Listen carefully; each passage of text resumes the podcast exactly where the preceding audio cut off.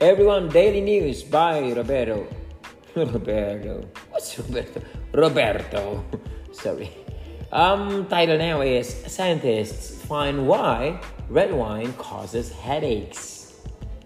If you enjoy drinking red wine, you've likely experienced the headache that can come with it. It's often the result of drinking one glass too many.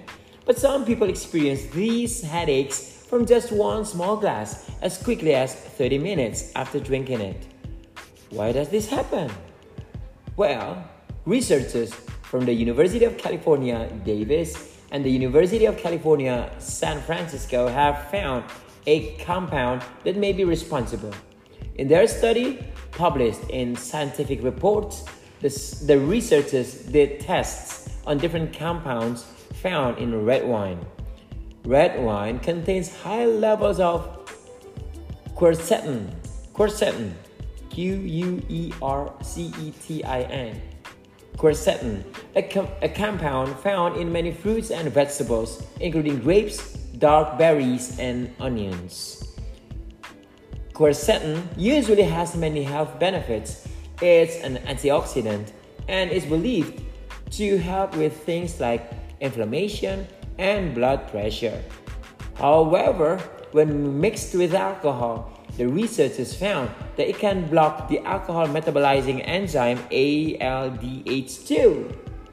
In the body, alcohol is first broken down into a toxic compound, sorry, toxic compound called acetaldehyde. Acetaldehyde.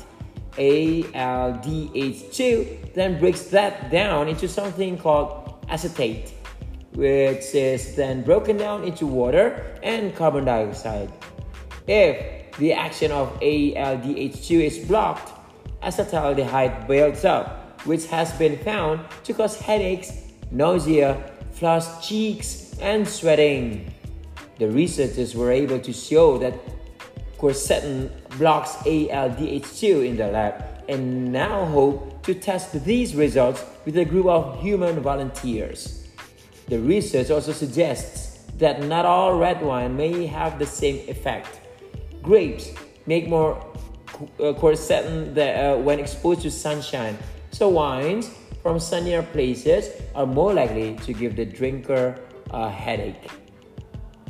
Study co author Maurice Levin also said that people who are more uh, susceptible to headaches in general are more likely to be affected by red wine.